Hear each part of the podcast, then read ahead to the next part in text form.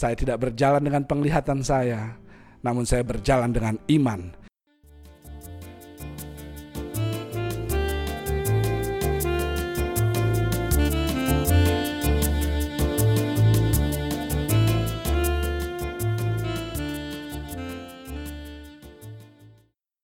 satu gereja bagi para pecandu dan para gangster termasuk juga prostitusi.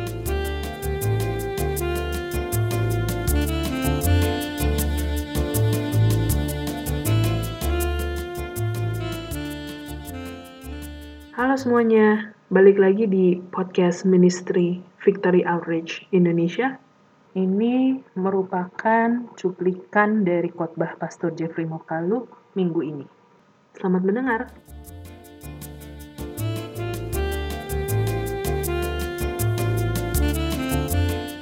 Pagi hari ini kita akan melihat kebenaran firman Tuhan dari kitab Kejadian 42 ayat 33 hingga ayat 37. Saudara sudah sampai semuanya, kita akan sama-sama mendengarkan firman Tuhan pagi hari ini. Saya akan bacakan buat saudara. Kejadian 42, 33 sampai 37. Lalu kata orang itu kepada kami, lalu kata orang itu, yakni yang menjadi tuan atas negeri itu kepada kami, dari hal ini aku akan tahu apakah kamu orang jujur. Dari kamu bersaudara, haruslah kamu tinggalkan seorang padaku, kemudian bawalah gandum untuk meredakan lapar seisi rumahmu dan pergilah. Lalu bawalah kepadaku saudaramu yang bungsu itu, maka aku akan tahu bahwa kamu bukan pengintai, tetapi orang jujur dan aku akan mengembalikan saudaramu itu kepadamu, dan bolehlah kamu menjalani negeri ini dengan bebas. Ketika mereka mengosongkan karungnya, tampaklah ada pundi-pundi uang masing-masing dalam karungnya dan ketika mereka beserta ayah mereka melihat pundi-pundi uang itu ketakutanlah mereka dan Yakub ayah mereka berkata kepadanya ini yang Yakub katakan kepada anak-anaknya kamu membuat aku kehilangan anak-anakku. Yusuf tidak ada lagi dan Simeon tidak ada lagi. Sekarang Benyamin pun hendak kamu bawa juga. Aku inilah yang menanggung segala-galanya itu. Aku inilah yang menanggung semuanya itu. Terlalu berat semua yang aku tanggung, kata Yakub. Lalu berkatalah Ruben kepada ayahnya, kedua anakku laki-laki boleh engkau bunuh. Jika ia tidak kubawa kepadamu, serahkanlah dia ke dalam tanganku. Maka dia akan kubawa kembali kepadamu. Pagi hari ini, secara spesifik saya percaya firman Tuhan akan berbicara untuk saudara yang saat ini merasa beban begitu berat, kelelahan, sangat frustrasi, dan telah kehabisan energi untuk melanjutkan tanggung jawab di aspek kehidupan saudara. Dan jika saudara merasakan hal tersebut, Tuhan punya firman buat saudara pagi hari ini. Jadi apa yang terjadi? Di teks yang kita baca, kita melihat Yakub saat itu yang adalah keturunan Abraham, pria yang beriman dan dipakai Tuhan luar biasa, sekarang telah lanjut usia. Dan saudara tahu saat itu, saat kita membaca teks, dia saat itu hidup di tanah yang Abraham temukan berdasarkan janji Allah kepadanya, yakni tanah perjanjian atau tanah Kanaan. Tapi sekarang Tanah perjanjian yang Yakub tempati memiliki masalah dan telah menjadi tanah yang dipenuhi wabah kelaparan.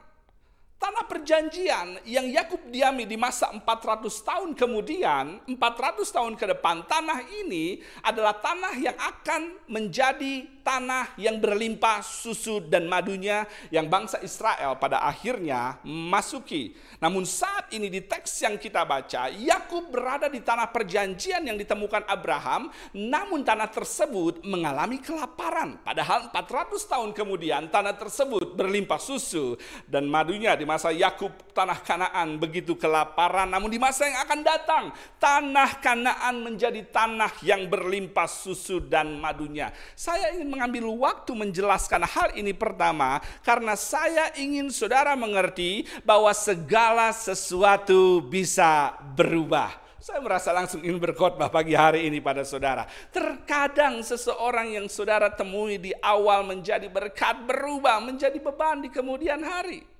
Terkadang usaha yang begitu lancar di awal berubah menjadi hutang di kemudian hari. Kadang-kadang pernikahan yang begitu indah di awal berubah menjadi mimpi buruk di kemudian hari. Begitupun sebaliknya, awalnya bisa menjadi beban, namun kemudian hari berikutnya pun bisa menjadi berkat. Apa yang saya coba katakan dari tanah Yakub yang saat ini kelaparan dan 400 tahun kemudian begitu diberkati, yang saya ingin coba katakan adalah segala sesuatu bisa berubah. Artinya jadilah fleksibel. Segala sesuatu di kolong langit ini ada masanya. Dengan kata lain saudara tidak akan selamanya menangis. Saudara tidak akan selamanya kecewa. Saudara tidak akan selamanya tertekan. Saudara tidak dengar saya pagi hari ini.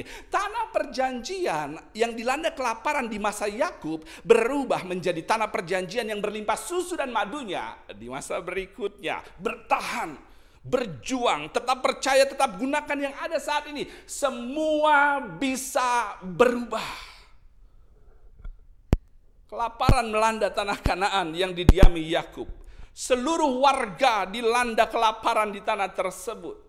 Sudah tidak ada lagi rumput hijau, tidak ada lagi musim tuayan, peternakan habis bahan pangannya, pandemik terjadi, kelaparan terjadi, ekonomi saat itu mengalami krisis, usaha anjlok drastis, pernikahan dan keluarga mengalami tekanan. Setiap kali bencana terjadi di satu area, maka terjadi dampak lanjutan kepada area yang lainnya dan ini kita sebut efek domino, efek domino atau reaksi berantai dari satu peristiwa yang terjadi bencana bencana nasional berdampak kepada dapur kita. Bencana nasional berdampak kepada dompet kita, berdampak kepada pelayanan kita, berdampak kepada aktivitas kita. Apakah saya sedang mendeskripsikan situasi yang saudara alami pagi hari ini? Bencana nasional mengakibatkan bencana di area kehidupan pribadi kita sehingga Yakub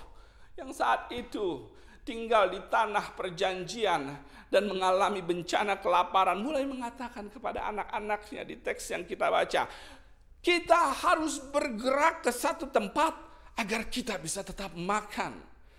Saya dengar di Mesir ada banyak persediaan gandum.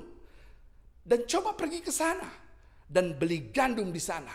Yakub mengatakan kepada anak-anaknya di tengah bencana yang ada kita harus bergerak We have to move, my God. Saudara tahu Tuhan selalu memakai masalah atau bencana untuk menggerakkan kita ke level yang lebih baik. Tuhan tahu jika semua nyaman, jika semua baik, kita tidak akan pindah level dan berkembang.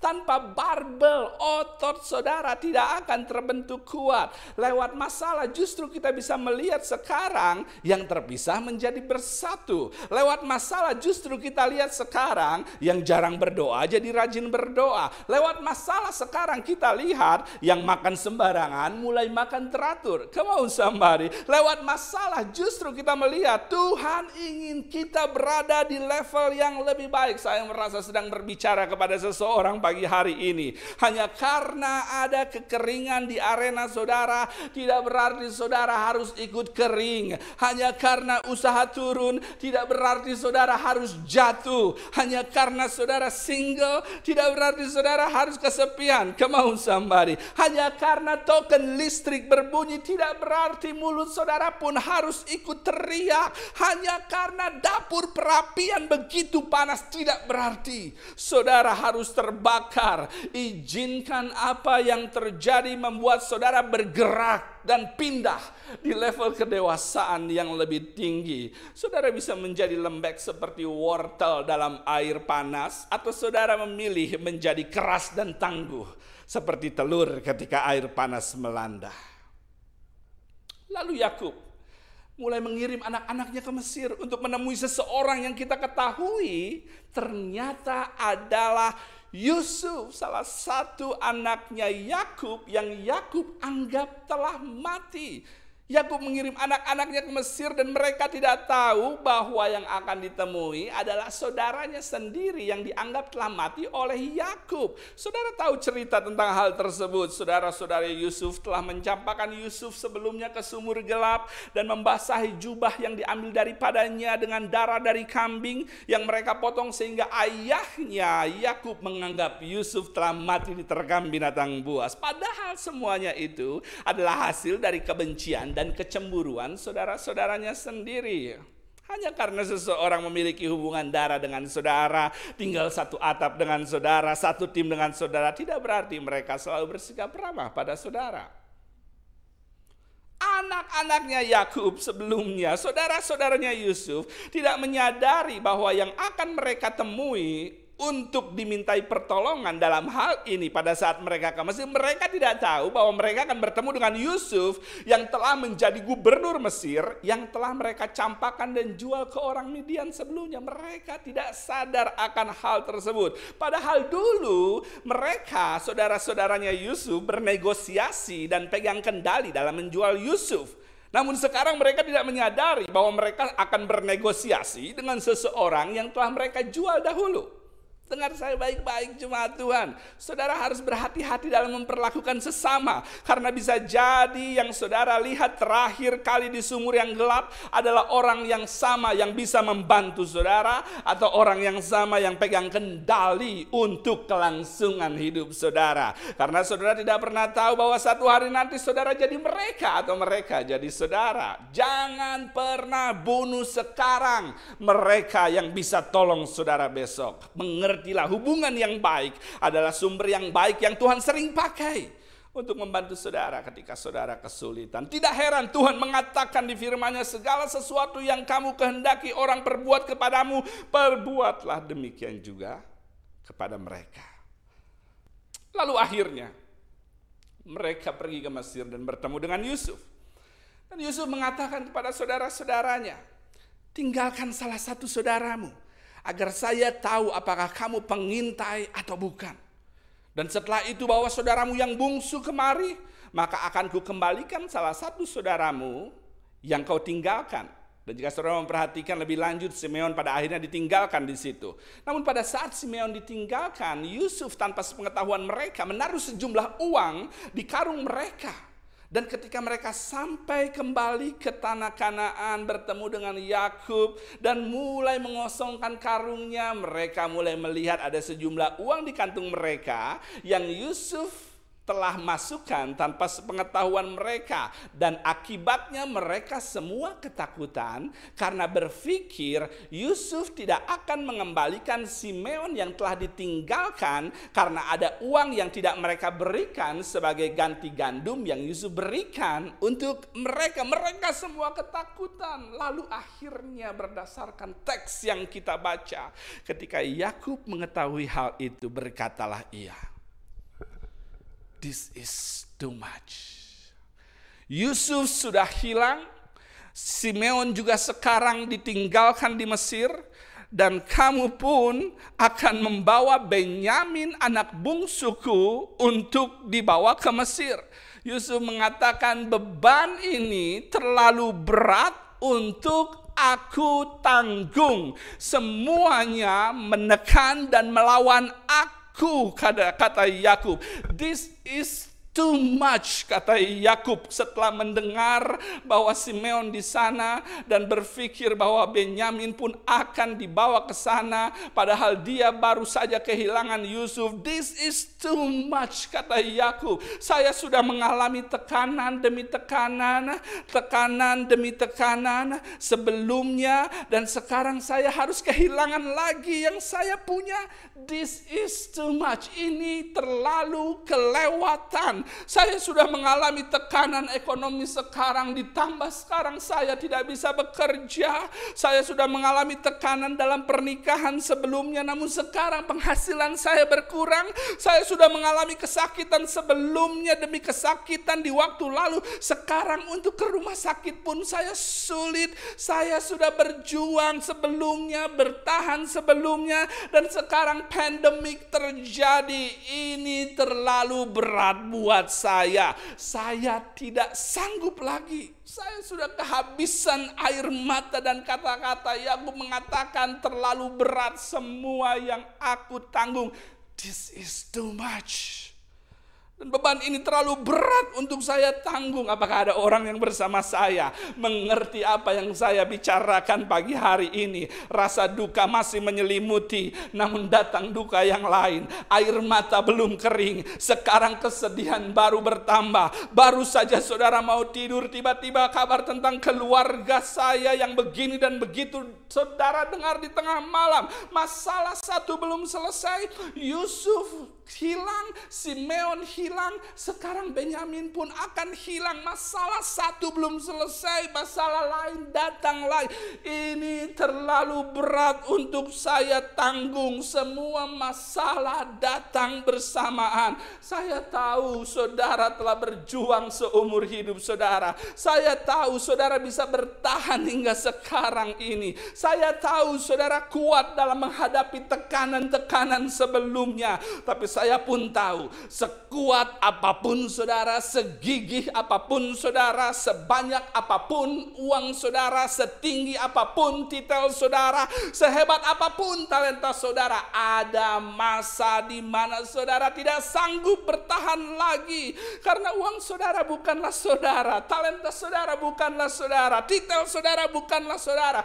Ada masa di mana saudara ingin menyerah, ingin berhenti, ingin mengakhiri mengakhiri semuanya. Ada masa di mana saudara ada di titik kelemahan maksimal saudara seperti Yakub. Karena sering kali masalah yang datang bersuara lebih keras dibanding kekuatan yang saudara punya. Sehingga saudara mengatakan jika satu lagi tagihan datang, jika satu lagi kabar buruk datang, jika satu lagi kesakitan datang, jika satu lagi konflik baru datang, saya sudah tidak sanggup lagi menahan semuanya. Saudara merasa seperti Yakub yang sudah tidak sanggup untuk menang ini terlalu berat. Saya tidak sanggup lagi. Semua kekuatan sudah saya keluarkan untuk bertahan di masalah sebelumnya. Saya sudah kehabisan daya untuk menghadapi masalah baru lagi. Tapi iblis adalah pembohong. Karena saya datang pagi hari ini untuk membawa saudara kembali mengingat bagaimana Tuhan mengeluarkan saudara dari ICU. Ingat bagaimana Tuhan menyelamatkan saudara dari kecelakaan di laut. Ingat bagaimana Tuhan menyelamatkan saudara dari penyakit mematikan. Ingat bagaimana Tuhan mengangkat bisnis saudara yang di ujung tanduk. Ingat bagaimana Tuhan menyediakan makan minum di kala tidak memiliki pekerjaan. Ingat bagaimana bagaimana Tuhan menjaga saudara dari amukan masa kemauan sambat. Ingat bagaimana Tuhan membuka jalan saat tiada jalan. Karena jika Tuhan bisa melakukannya buat saya dahulu, maka Tuhan pun bisa melakukannya buat saya sekarang. Yakub telah kehilangan Yusuf dan telah berpikir kehilangan Simeon. Dan sekarang dia berpikir dari ayat yang kita baca, Benyamin pun akan diserahkan ke Mesir. This is too much. Ini terlalu berat, semuanya harus aku tanggung. Duka demi duka demi duka. Begitu berat harus aku tanggung, kata Yakub. Jiwanya begitu lelah menghadapi semuanya. Jika fisik saudara yang lelah, maka fisik saudara bisa bugar kembali. Tapi jika jiwa yang lelah, tidur tidak akan bisa memperbaikinya. Jika jiwa yang lelah, liburan tidak akan menyegarkan saudara. Jika jiwa lelah, saudara tidak akan bisa menemukan seseorang untuk curhat yang bisa meringankan beban saudara. Jika jiwa yang lelah, saudara tidak mau dihubungi oleh siapa-siapa. Jika jiwa yang lelah, saudara teriak semau saudara banting pintu tanpa alasan, pecahin gelas, tendang kucing, tendang kursi. Jika jiwa yang lelah, tidak ada yang bisa memperbaikinya. Fisik saudara mungkin begitu tegak, namun di dalam jiwa saudara begitu merunduk tekanan demi tekanan terus datang. Semuanya berat. Harus kutanggung semuanya. This is too much. Terlalu berat, terlalu sakit. Beban ini kata Yakub. Tapi saya ingin saudara pun perhatikan ini. Sebetulnya kalau kita melihat realitanya, yang mengalami luka dan tekanan adalah Yusuf. Dia yang dibuang, dia yang dijual, dan juga Simeon. Karena dia yang harus ditahan di Mesir, dibelenggu di Mesir. Sebetulnya realitanya Yakub tidak mengalami luka yang mereka alami. Situasinya sebetulnya terjadi pada hidup Yusuf dan juga pada hidup Simeon. Yakub tidak dijual jadi budak di Mesir.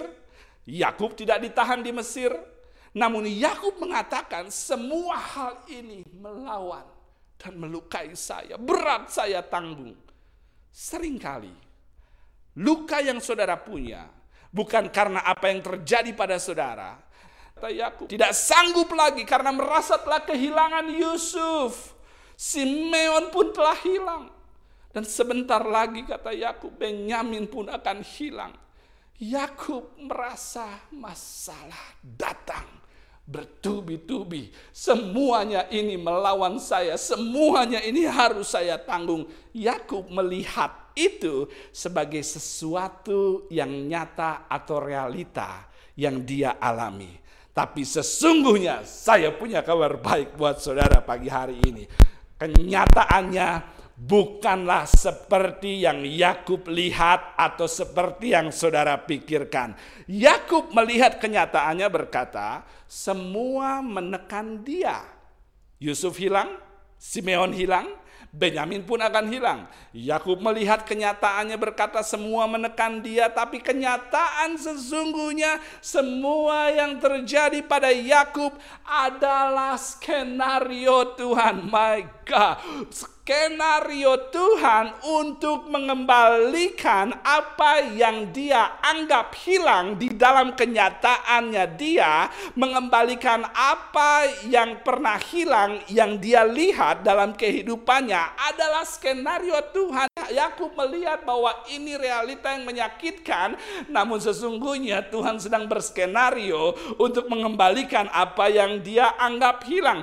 Karena yang sesungguhnya atau realita yang sebenarnya terjadi jika saudara melihat kelanjutan ceritanya di pasal-pasal berikutnya. Pertama, Yusuf tidak mati seperti yang Yakub pikirkan. Dan jika tidak ada kelaparan yang terjadi saat ini, maka Yakub tidak akan bertemu dengan anaknya Yusuf yang sudah dianggap mati. Yang kedua, Simeon pun akan dikembalikan kepadanya. Bahkan jika saudara melanjutkan ayatnya, terjadi reuni keluarga yang menciptakan pemulihan dalam hidup mereka. Ketiga, Kenyataan sesungguhnya adalah penyediaan bagi keluarga mereka yang saat itu sedang mengalami pandemi kelaparan diberikan secara cuma-cuma selama masa kelaparan terjadi dalam lima tahun ke depan. Dan pada akhirnya semua yang Yakub lihat sebagai sesuatu yang buruk adalah bagian dari skenario Tuhan untuk mendatangkan kebaikan. Saudara tidak dengar saya pagi hari ini. Allah turut bekerja dalam segala sesuatu skenario Allah untuk mendatangkan kebaikan, untuk mengembalikan Yusuf, untuk mengembalikan Simeon, untuk mengembalikan keluarga yang hancur, untuk menyediakan makanan sampai masa kelaparan berhenti. Yakub melihat ini berat, ini duka, ini susah. Dia melihat realita yang sungguh menekan dan dia ingin menyerah ada di ambang batas kekuatannya namun dia tidak melihat realitanya Tuhan bahwa Tuhan sedang berskenario. Justru apa yang dia lihat begitu berat adalah cara Tuhan untuk mengembalikan dan mempertemukan Yusuf dengan Yakub, mengembalikan Simeon, mempertemukan keluarga dan reuni terjadi pemulihan dan menyediakan masa kelaparan bahkan cuma-cuma makanan di masa tersebut di masa kelaparan yang mereka alami. Apa yang saya ingin coba katakan adalah apa yang saudara lihat menekan saat ini apa yang saudara lihat hilang saat ini apa yang saudara lihat konflik saat ini apa yang saudara lihat duka saat ini Allah mengatur semuanya bekerja di dalamnya untuk mendatangkan kebaikan buat saudara, saya merasa ingin bernubuat pada saudara pagi ini dan berkata, Yusuf saudara akan kembali, Simeon saudara akan kembali, duka akan berubah sukacita, reuni keluarga akan kembali, penyediaan di masa kelaparan akan terjadi. Apa yang saudara lihat buruk, sedih, duka berat, Tuhan sedang aduk semuanya untuk mendatangkan kesembuhan, terobosan saudara tidak dengar saya. Pemulihan, promosi, kemenangan, dan kebaikan untuk saudara. Jadi apa yang saya ingin katakan di akhir pagi hari ini adalah Yakub melihat bahwa hidupnya mengarah kepada sesuatu yang buruk.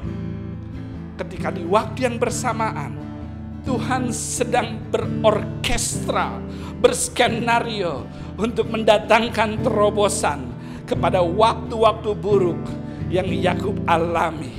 Dengan kata lain, di realitas yang saudara lihat menekan saat ini, di realita yang saudara lihat meradang saat ini, di realita yang saudara menangis saat ini, di realita yang saudara lihat saudara hilang kekuatan saat ini tetap berdiri di situ walaupun saudara goyah, tetap berdiri di situ walaupun saudara memar, tetap berdiri di situ walaupun dengan penuh tangisan. Karena Tuhan sudah masuk ke tahap akhir dalam mengaduk dan mengerjakan semua duka, semua tekanan, semua masa sulit dan segera mengirim terobosan, pemulihan, penyediaan, sukacita, kesembuhan, kebaikan untuk saudara pagi hari ini. Jika saudara percaya akan hal tersebut, katakan amin. Saya tidak tahu realita apa yang saudara lihat. Mungkin saudara melihat realita seperti Yakub melihat realita pandemik, wabah kelaparan, anak hilang, keluarga hancur, ekonomi turun, tidak bisa makan. Namun sesungguhnya apa yang saudara lihat berbeda dengan apa yang menjadi kenyataan yang Tuhan sedang kerjakan. Lewat pandemik, lewat kelaparan, lewat wabah, lewat masa-masa duka dan tekanan dia alami, justru Tuhan mengembalikan Yusuf yang dianggap hilang oleh Yakub, mengembalikan Simeon yang Yakub lihat tidak bisa kembali, bahkan membuat reuni keluarga yang penuh pemulihan yang Yakub lihat bahwa tidak mungkin terjadi pemulihan kembali Yakub lihat bahwa kelaparan terjadi, justru Tuhan melihat dengan cara yang berbeda. Justru Tuhan melihat terjadi penyediaan untuk Yakub lewat masa-masa dukanya, sehingga mereka, ketika saudara lanjutkan ceritanya, justru mendapatkan gandum cuma-cuma dan hidup di Mesir selama masa kelaparan terjadi. Allah turut bekerja dalam segala sesuatu mendatangkan kebaikan bagi saudara. Ya, bagi saudara. Ya, bagi saudara. Ya, bagi saudara. Dia sedang bekerja untuk kebaikan yang akan segera datang dalam hidup saudara. Tundukkan kepala saudara pagi hari ini saya mau berdoa buat saudara. Saya tidak tahu apa yang saudara lihat saat ini. Saya tidak tahu apa yang saudara rasakan pagi hari ini. Saya tidak tahu ada dampak-dampak apa yang membuat saudara merasa kehilangan energi. Namun saya mau berdoa biar Tuhan boleh memberikan kekuatan di tengah pertahanan saudara yang goyah. Di tengah masa istirahat saudara yang kurang, saya ingin berdoa untuk kekuatan terjadi. Tetap berdiri walaupun berat. Karena Tuhan sedang bekerja untuk mengembalikan Yusuf Simeon, reuni keluarga, pulih dan juga gandum di masa kelaparan. Tundukkan kepala saudara, Tuhan Yesus. Kami tertekan melihat kondisi yang ada. Seperti Yakub melihatnya. Namun firman-Mu telah membuka pikiran kami, memperbaharui pikiran kami. Bahwa masa duka, masa tekanan yang kami alami justru adalah bagian dari skenario dan orkestra Tuhan untuk mengembalikan apa yang kami lihat hilang, untuk memberikan sukacita apa yang kami lihat berduka, untuk mengembalikan tawa dari apa yang kami tangisi. Untuk itu Tuhan, biarlah pembaruan budi pagi hari ini terjadi seperti apa yang firman-Mu katakan sehingga mereka boleh melihat kehendak Allah dan kuat di dalamnya dan pada akhirnya mereka mengalami apa yang memang Allah sediakan buat mereka. Di dalam masa ujian dan masa tekanan, biarlah mereka boleh terus melihat firman Allah dan melihat dari kacamata Allah sehingga mereka boleh terus melaluinya bersama dengan Allah dan pada akhirnya mendapatkan Yusuf, Simeon, Gandum, dan reuni keluarga yang memang Tuhan sudah skenariokan untuk bisa terjadi dan dialami lewat masa duka yang ada. Di dalam nama Tuhan Yesus kami berdoa. Sama-sama jemaat yang percaya dan menerima kebenaran ini katakan